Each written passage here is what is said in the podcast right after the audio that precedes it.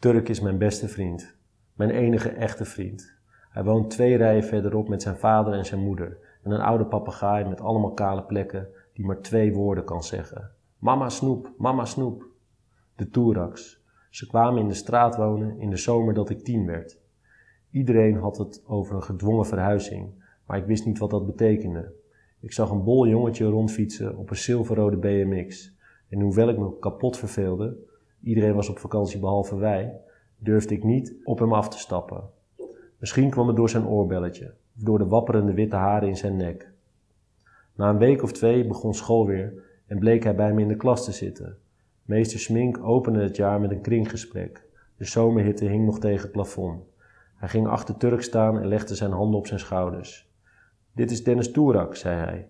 Hij is nieuw op school en er zijn twee dingen bijzonder aan Dennis. Ten eerste, hij is een jaartje ouder dan de meeste van jullie. En ten tweede, Dennis' vader zit in de gevangenis. Kent iemand van jullie iemand die in de gevangenis heeft gezeten? Ik wilde mijn hand opsteken, maar bedacht me toen ik zag dat niemand anders aanstalten maakte. Maar hij is al bijna weer vrij, hè, Dennis, zei meester Smink. Vertel maar, over hoeveel dagen komt je vader thuis? Turk keek dromerig naar buiten, liet zijn duim, wijsvinger, middelvinger en ringvinger langzaam omhoog komen, duwde zijn half mee opgekomen pink terug en keek naar zijn hand. Nog vier dagen, meester? Meester Smink keek tevreden. Een beleefd antwoord. Hij ging deze jongen kneden, moet hij hebben gedacht. Maar Turk was een handgranaat in de vorm van een kinderlichaam. Nog voor het einde van de ochtend ging de pin eruit. Hij moest een couplet zingen van de dierentuinboekie, maar kende de tekst niet. Dus maakte hij er zijn eigen versie van. Iets met neuken en beren. Meester Smink werd rood en daarna liep het compleet uit de hand. Schriften, klappers, rekenboekjes, pennenbakken vlogen door de lucht. Als een bal in een flippenkast schoot Turk de klas door, de oude meester wanhopig achter hem aan. Turk klom door het raam naar buiten, sprong in de rond op de binnenplaats. De meester schoof het raam dicht en ging door de deur naar buiten. Turk klopte op het raam, wist dat hij nu in de val zat. Iemand moest, moest open doen. Ik twijfelde, maar toen ik de meester naar buiten zag rennen, schoof ik snel het raam weer omhoog en trok hem naar binnen. Hij kraaide van plezier, liep over de tafels en werd uiteindelijk gepakt door een jongere leraar die meester Smink erbij had gehaald.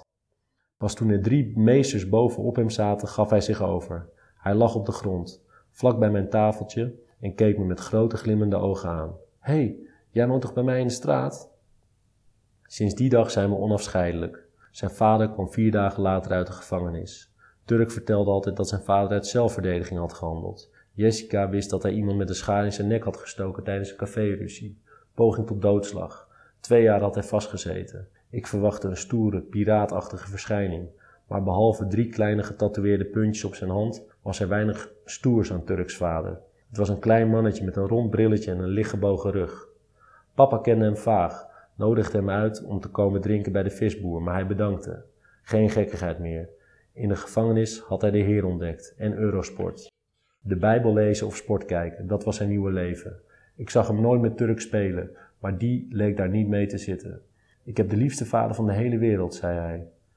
Hoewel ik toch altijd een beetje op mijn hoede was als ik bij de Turag speelde en goed rondkeek of ik geen rondslingerende scharen zag, klopt het wat Turk zei.